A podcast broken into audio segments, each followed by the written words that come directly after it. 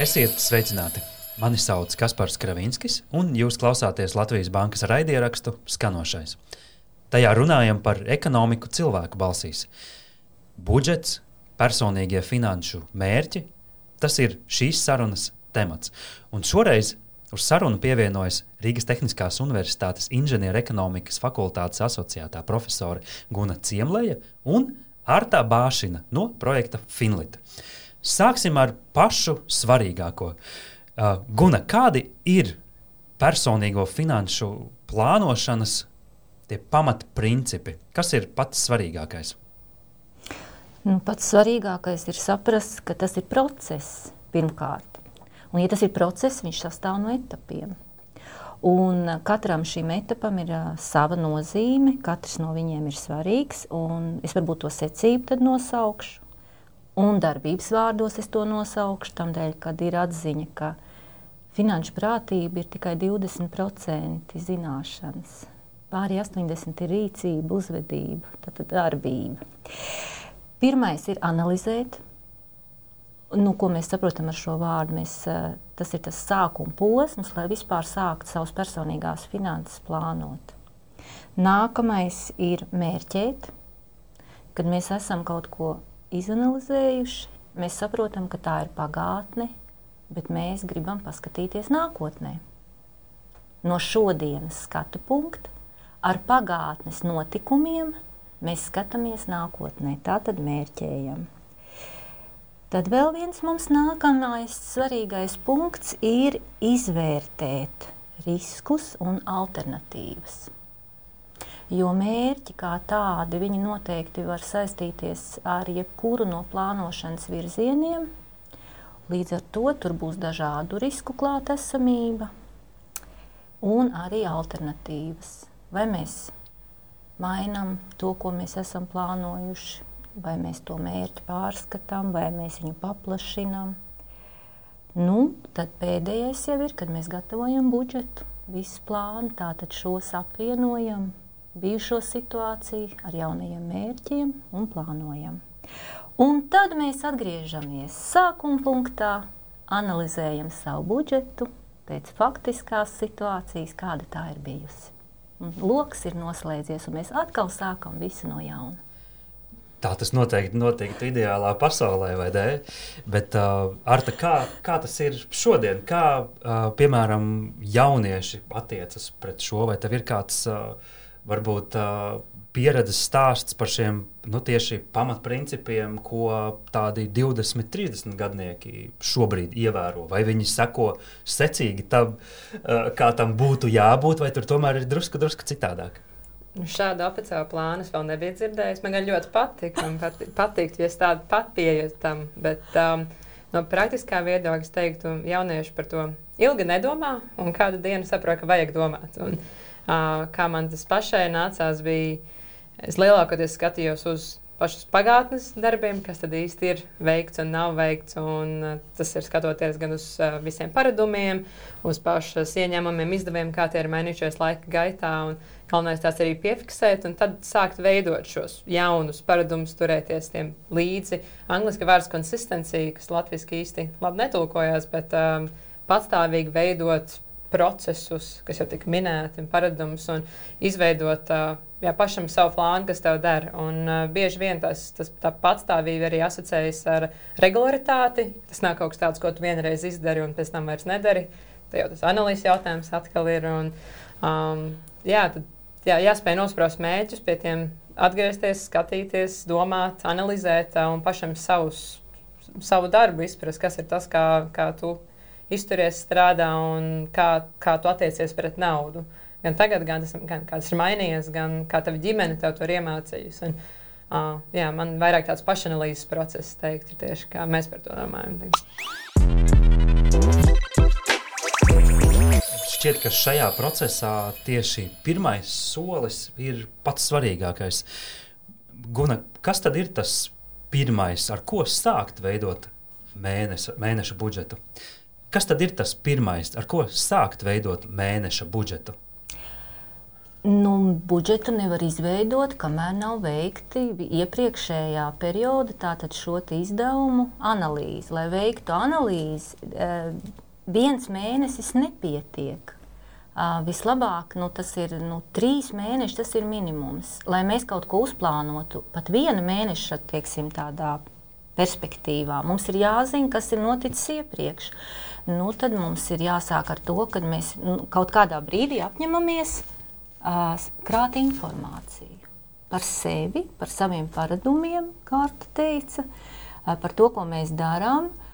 Ja mēs gribētu vēsturiski paskatīties, mēs it kā varētu iedomāties, ka mēs internetbankā atveram savus maksājumus. Jā, tur, teiksim, Svetbankā ir aplikācija izveidota, kura piedāvā šādus risinājumus. Diemžēl man viņi jākritizē. Viss maksimā veiktais pirkums, teiksim, 50 eiro apmērā, kurā ir gan gultas veļa, gan pārtika, gan bērnu preces, nonāk vienā kategorijā.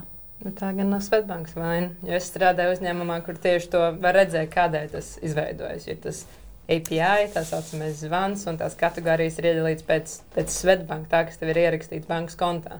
Tā kā Svetbanka redz tikai to informāciju. Viņi jau neredz, viņiem nav tiesības redzēt pārējā informāciju. Tādēļ tur jau nāk tevs paša darbs un savadīt, ievedīt, dot to informāciju. Tas nozīmē, pie ko mēs atgriežamies, pie to, ka mēs katru čeku veikalā pēc maksājuma veikšanas saglabājam mājās. Tātad nu, neizmetam viņu. Pats pirmais nosacījums - saglabājam, un pēc tam nu, sauksim to par apstrādi.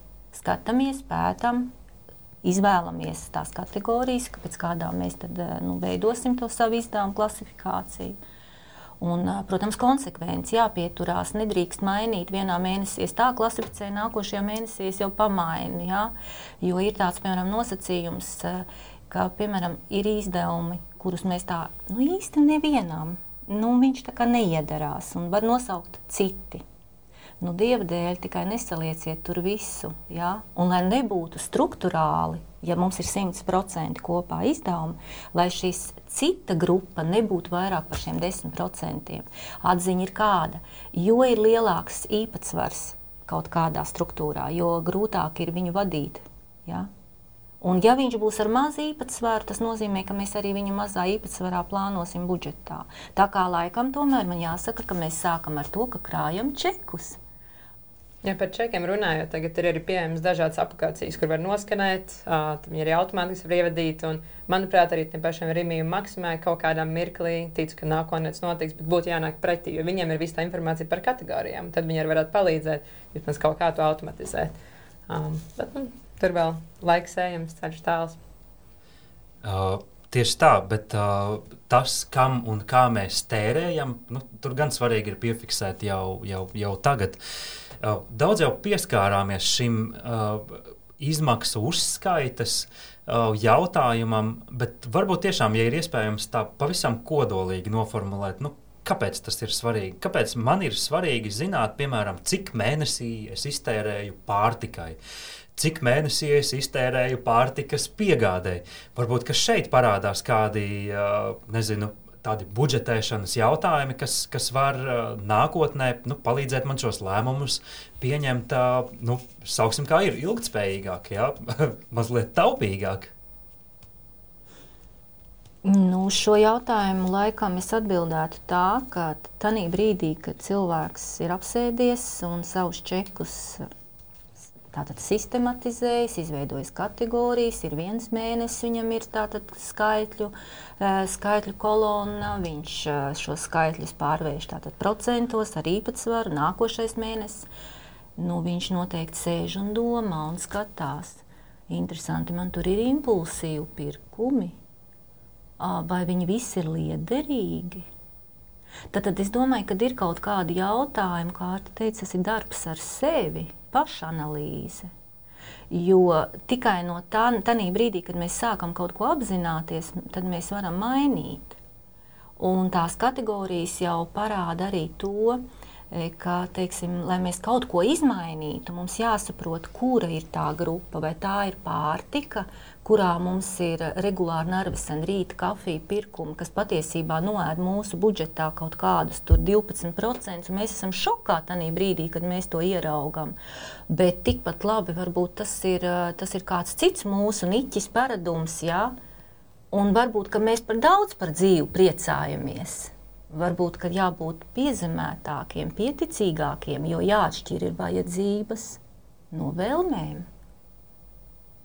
Jā, es tam piekritīšu. Es atkal izmantošu anglicismu, kā manā vecumā, liekas, ļoti daudz izmanto anglicismu, bet um, accountability. Tā ir atbildības sajūta, un šajā gadījumā tā ir atbildības sajūta pret sevi, vai, ja tev ir ģimene, tad arī pret ģimeni un citiem, par kuru finanšu līdzekļiem tu atbildi. Bet uh, regulāri pierakstot un piefiksējot šī, šos maksājumus, mazos nervusēm pirkumus vai lielākos vispār budžeta maksājumus, tu veido šo atbildības procesu pret sevi. Un vislabāk to darīt regulāri, jo tu reizi mēnesī savu visas, visas izmaksas pieraksti vai reizi gadā vispār tad nu, pirmkārt, neveidos nekādas procesas, tev pašam neveidos atbildības sajūtu, aizmirsti uh, lietas, kas reāli ir svarīgas. Tādēļ pat iesaku šos, šos budžetu plānojot un uh, veidojot, ja tu veido Excel lapas, veidnes vai ko citu, to darīt vismaz um, ideālā variantā katru dienu, bet, ja tas nav iespējams, vismaz reizes nedēļā, jo ilgāks periods paiet, jo mazāk uh, tev pašam ir šī atbildības sajūta. Un man ir reāls paziņas gadījums, kad uh, sieviete pirka katru rītu kofīnā, kafijas veikaliņā 3 eiro kafija, un tu pat nu, nedomā par to, kas ir 3 eiro jā, no šurp tur. Un, jā, tā pareiķinot mēnesī tur 90 eiro, un gadā tas jau ir vairāk kā 1000 eiro. Un tad tu iedomājies, ko tu par 1000 eiro var nopirkt. Mājās kafiju var par daudz lētāku naudu uztaisīt. Un, jā, uh, jā, kā jūs minējāt, tad tikai šādi tu apskaties, analizē un saproti, kur reāli tava nauda aiziet. Izklausās pēc milzu darba. Vai gadījumā to nevar mazliet pavirzīt šādi? ša, šī darba ieguldījuma rezultāts varētu būt tāds audits, kas ļauj man, piemēram, atļauties nu, kādu jauku ceļojumu vai kādu ilgi sen kārotu preci vai uh, pakalpojumu. Uh, kaut vai tā iemesla dēļ, ka es esmu kārtīgi izpētījis savus paradumus un uzzinājis, uh, nu, kas tur ir tāds, no kā es pilnīgi mierīgi varu atteikties, un kas manu dzīves kvalitāti neizmainīs, nu, ne pārāk izmainīs. Nu, jā, par dzīves kvalitāti runājot, tātad tas ir tāds modelis, kurā ir daudz faktoru, subjektīvi, objektīvi, bet viss viņš balstās uz ienākumiem un izdevumiem, kas ir cilvēkam. Un vieglāk vadīt ir izdevumu daļu nekā ienākuma daļa. Diez vai jums ir iespējams savus ienākumus ļoti ātri, tātad budžetu plānojot, tur izmainīt, palielināt. Ar izdevumiem strādāt ir vieglāk. Ir vecā gada vakars, lejam laimes, skatāmies kafijas biezumos un izvirzam jaunā gada mērķus. Noteikti arī finansēs. Nu, te man uzreiz jautājums, kā tad izvirzīt šos finanšu mērķus? Nu, kāda būtu tā pareizā pieeja? Pareizā pieeja. Man liekas, nav viena pareizā pieeja. Um, katram tie mērķi ļoti atšķiras, un tas veids, kā pie tiem pieiet, arī atšķiras. Un jāsaprot, kas ir tavs optimālākais veids. Jo, kā mēs tagad runājam, izklausās, ka šis ir tik milzīgs projekts, kā finanšu pratība un pašam izveidot budžetu. Daudz, man liekas, attur vispār par to sāk domāt. Labāk nākamgad būs vairāk naudas vairāk laika izdomāšu, bet patiesībā jau labāk arī spērt šos pirmos mazos soļus, kaut vai uh, lejuplādēt aplikāciju un paskatīties, kur šie tēriņi iet. Uh, aplikācijas ir daudz un dažādas, un savieno arī dažādus kontus, un, uh, vai pašam paņem Google šīt un tikai ļoti ātri un pat vienas dienas laikā var aptuveni kaut kādu ieskatu, kur pat varbūt neesmu redzējis pirms tam. Um, jā, bet nolikt pašus mērķus ir, man liekas, jāsaprot, kas ir īstermiņa un ilgtermiņa mērķi. Jo finanšu plānošana noteikti nav īsti, tikai īstermiņa mērķa plānošana. Uh, tie var būt arī mēs.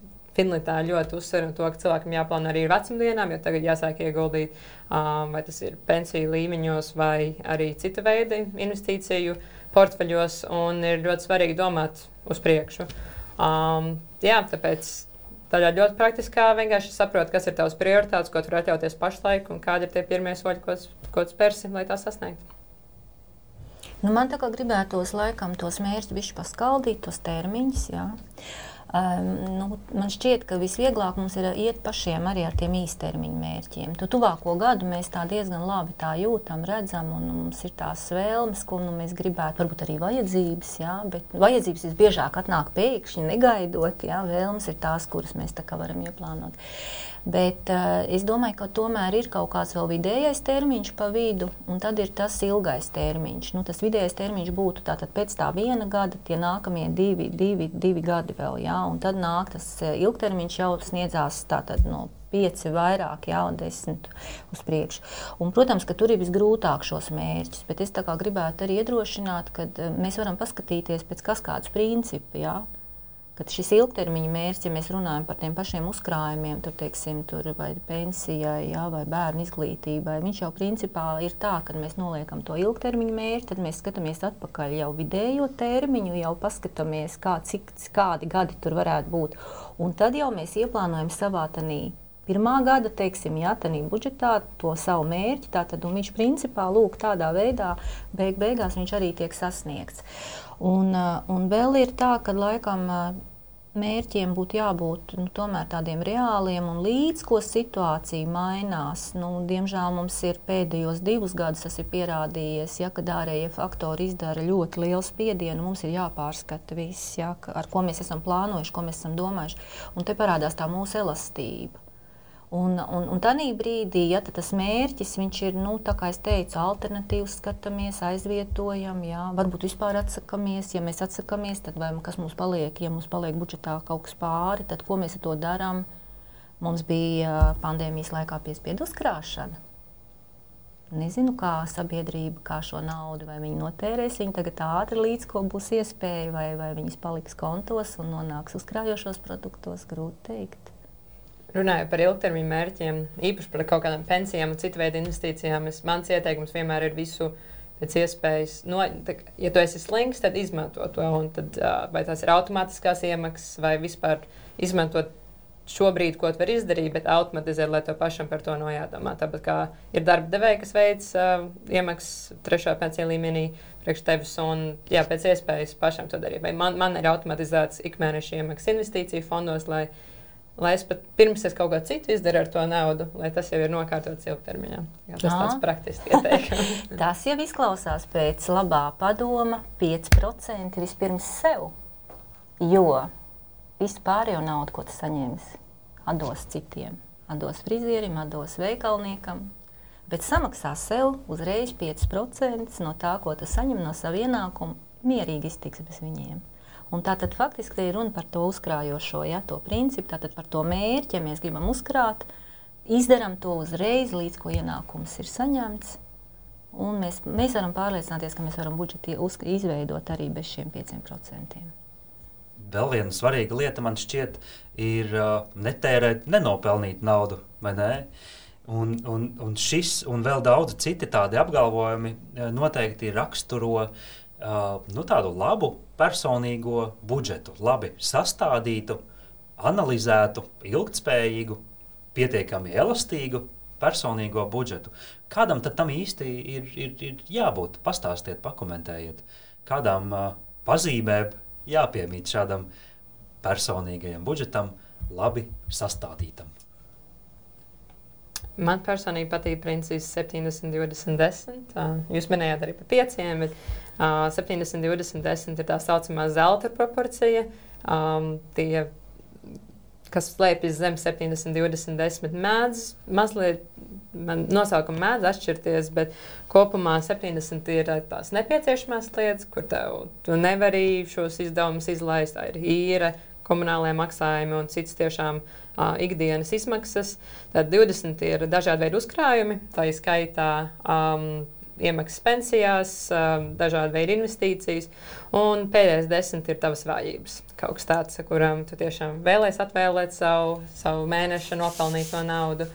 Un, uh, jā, varbūt tik vienkārši tu nevari attaisnot, bet tu zini, ka tev ir desmit, var nopirkt jaunas kurpes vai ieguldīt to, kur tu pats esi izvēlējies. Jā, šīs proporcijas katram var atšķirties, un cerams, ka tas 70 vai 20 tev būs augstāks nekā noteikti 10 vai pat uh, 70, bet um, tas būtu virziens, kā es pati plānoju, un ļoti viegls, viegls veids, kā domā par savu budžetu. Nu, man liekas, jāsaka, ka ir, labs budžets ir tāds, kurā ir, var gan tērēt, var gan kaut ko saglabāt, tātad uzkrāt, gan var arī dalīties, jo tie tātad tērēšana, uzkrāšana, dalīšanās, tie ir trīs galvenie lēmumi, kas vispār cilvēkam ir jāpieņem saistībā ar to naudu, kas ir viņa rīcībā. Tātad es pilnīgi piekrītu. Mums ir jātērē, jo tā ir nepieciešamība, nu tā vajag. Mums ir noteikti kaut kas jāuzkrāj. Mēs nevaram tā kā visu notērēt, jā, bet mums ir jādalās. Mēs, cilvēks ir sociāla būtne. Viņš, protams, tas, kurš dzīvo viens, viņam ir viena cilvēka maisaimniecība, viņai, viņam teiksim, tā, tās cipari ir citādāk un struktūra ir atšķirīga no ģimenes ar diviem bērniem no divu cilvēku maisaimniecības, divi pieauguši, plus viens bērns. Jā. Šeit jāsaka, ka ļoti individuāli tas ir. Ļoti, ļoti individuāli. Jo līdz ko, līdz ko tev ir ģimene, tu, tev ir šī atbildība. Un, protams, te ir jautājums par to finansiālo neatkarību, par kuru kādreiz arī runā, cik tas ir jauki, ka cilvēks ir finansiāli neatkarīgs. Bet iedomāsimies cilvēku dzīves tādu, nu, to, to līkni, dzīves ciklu līkni kad viņš kļūst finansiāli neatkarīgs, kad pabeidz augstskolu, kad nopērk, kad viņam ir tātad nopirkts eh, nekustamais īpašums dzīvoklis, teiksim. Vai viņš, tā, vai viņš kļūst neat, finansiāli neatkarīgs tad, kad viņam vairs nav jārūpējas par saviem vecākiem? Tas tāds filozofisks jautājums, jā, es esmu atkarīgs. jā, bet es vispār gribu teikt, ka personīgās finanses nav tikai, nav tikai nauda, skaitļi, Tur ir ļoti tāda dziļa filozofija par dzīvi, par, par vērtībām, par to, ko mēs darām. Ja? Un, un cits cilvēks bez, bez uzmundrinājuma skaita, analizē, ja, un, un citam ir vajadzīga pierunāšana, citam ir vajadzīga piespiešana. Tā kā tas tagad notiks, pēc jaunā gada mums ir likums, ka cilvēki, kuri nespēja ar savām finansēm labi tikt galā, kas viņiem būs jādara? Būs jāmācās finanšu prātība, un tad viņas atbrīvos no šīm parādu saistībām, tāpēc nu, tā mazajām līdz 5000, kas ir. Ja? Nu, tā, tā tas notiek. Tā ir tāda grāmata, uh, Naudas psiholoģija. Latvijas nezinu, vai ir izdota, bet uh, pagājušajā gadā, manuprāt, izdeva angliski. Un šo grāmatu vienmēr iesaku cilvēkiem, kas par šādiem jautājumiem sāk domāt, jo tur tieši runā par uh, psiholoģiskiem aspektiem, kā, kā mūsu veidos attiecības ar naudu, kādēļ tās ir tādas, kādas ir. Un, uh, Kādēļ varbūt kādam ir svarīgi nopirkt jaunāko iPhone telefonu, bet tev šis, šī investīcija neliekas kā investīcija. Un, jā, pašam paskatīties uz sevi un saviem paradumiem. Dažreiz mēdz sacīt, ka naudas prasme ir tāda ļoti īpaša prasme, atšķirībā no kodola fizikas vai molekulārās bioloģijas, kur cilvēki droši vien pavada gadu desmitiem, lai to apgūtu. Tās pamatlietas ir ļoti vienkāršas. Un naudas prasmi var apgūt ik viens, kas to pamatā vēlas.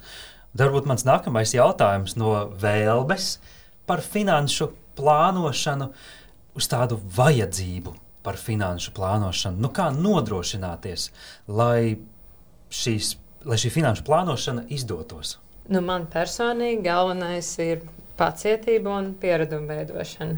Uh, manuprāt, tā ir tāda atslēga visam dzīvē, pacietība un piereduma veidošana. Bet īpaši šim atgriežoties jau pie diskutētiem pirmiem jautājumiem, tas ir.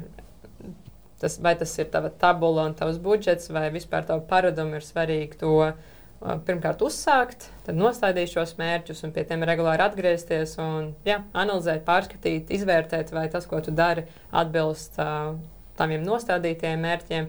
Un, kā jau minējām, pielāgoties un arī um, attiecīgi pielāgot šos mērķus, ja tas ir nepieciešams.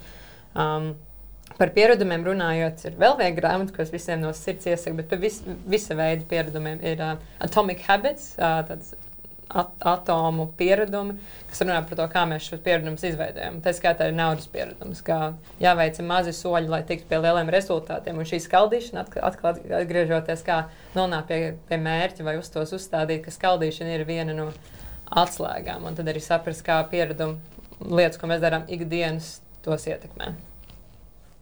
Nu, jā, es jau laikam sākumā teicu, ka nu, teiksim, tas budžets, jā, tas budžets jau ir arī saistīts. Nu, ir vēl viens tāds finanšu pārskats, varbūt šodien mēs viņu neesam vēl pieminējuši. Nu, viņš ir bilants, ko katrs cilvēks principā jau nevar to budžetu sākt uh, gatavot. Uh, Mēs izanalizējam šos izdevumus, kategorijas, mēs zinām, mums ir procenti, mums ir struktūra, mēs zinām savus mērķus, bet ir vēl viens finanšu pārskats, kas ir faktiski arī svarīgs. Cilvēkam ir nu, konkrētā datumā ir jāspēj novērtēt savu labklājību. Nu, to nodrošina bilance. Un šī bilancē ļoti svarīga informācija priekš budžeta, Un, eh, kāpēc bilancē mums ir tā naudas summa, kura nav uzkrājuma, bet kura ir brīvi pieejama, lai mēs ar viņu rīkotos jau nākošajā dienā? Un, lūk, budžetā šo summu, kas ir no iepriekšējā perioda, viņu attiecina uz tādu rādītāju kā kumulatīvais naudas atlikums. Un tad, kad mēs plānojam, nu, sarežģīts nosaukums, jā, arī tiešām izklausās, tad mēs plānojam, mums ir tā, cilvēki kādreiz baidās, ka konkrētajā mēnesī parādās budžetā mīnus zīmīte mēnes, mēneša rezultāts. Tad nevajag baidīties, jo iepriekšējā periodā tas naudas atlikums, kas ir, jā, viņš ļauj faktiski īstenot, jo tie mērķi varbūt tādā mēnesī ir ie, nu, ieplānoti, tātad, un viņi faktiski ir lielāki nekā ir tā mēneša ienākumi. Nu, no tāda viedokļa, tātad raugoties bilance, kurā mēs redzam katras, katras mājasaimniecības vai cilvēka m, mm, to personīgo labklājību vai to neto vērtību. Nu, tad uh, labs budžets ir arī tāds, nu, kad viņš ir uh, izdevies, jā, nu, kad šī neto vērtība cilvēkam no gada uz gadu pieaug. Viņa paliek ar vien lielāka. Labs budžets ir tad, kad uh, mums, piemēram, uh, pat uzņemties saistības, tā, tas nav nekas slikts. Saistību uzņemšanās tas arī ir normāls plānošanas process, kurā mēs izvērtējam savus ienākumus, savus izdevumus, izplānojam, ka mēs varam atļauties jā, to teiksim, ilgtermiņā arī nokārtot. Un tas nozīmē, ka tas aktīvs, kuru mēs iegādājamies par, š, par tiem aizņemtajiem līdzekļiem, laika gaitā kļūst par mūsu jā, kā, nu, pilntiesīgu īpašumu, jā, nevis par aizņemtiem līdzekļiem. Un tā neto vērtība. Piemēram, studentiem šobrīd, kad viņi gatavo šādas pārskats, viņiem neto vērtība dažiem ir ar mīnusu, jo viņiem ir studiju kredīti bet nekas vairāk kā vietālurunis un dators viņiem aktīvi pusē neparādās. Un norēķina kontā neliela summa. Par uzkrājumiem pat nerunāsim. Un, un tad ir tā cilvēkam dzīves laikā šī neto vērtība no mīnus pārauga mazā plusā, pēc tam ar katru gadu šis pluss paliek lielāks. Nu, Tādu es arī novēlētu katram. Laikam šobrīd arī finanšu pratības nedēļas laikā tas tiešām var izskanēt kā vēlējums ikvienam mūsu klausītājam. Lielas paldies par sarunu!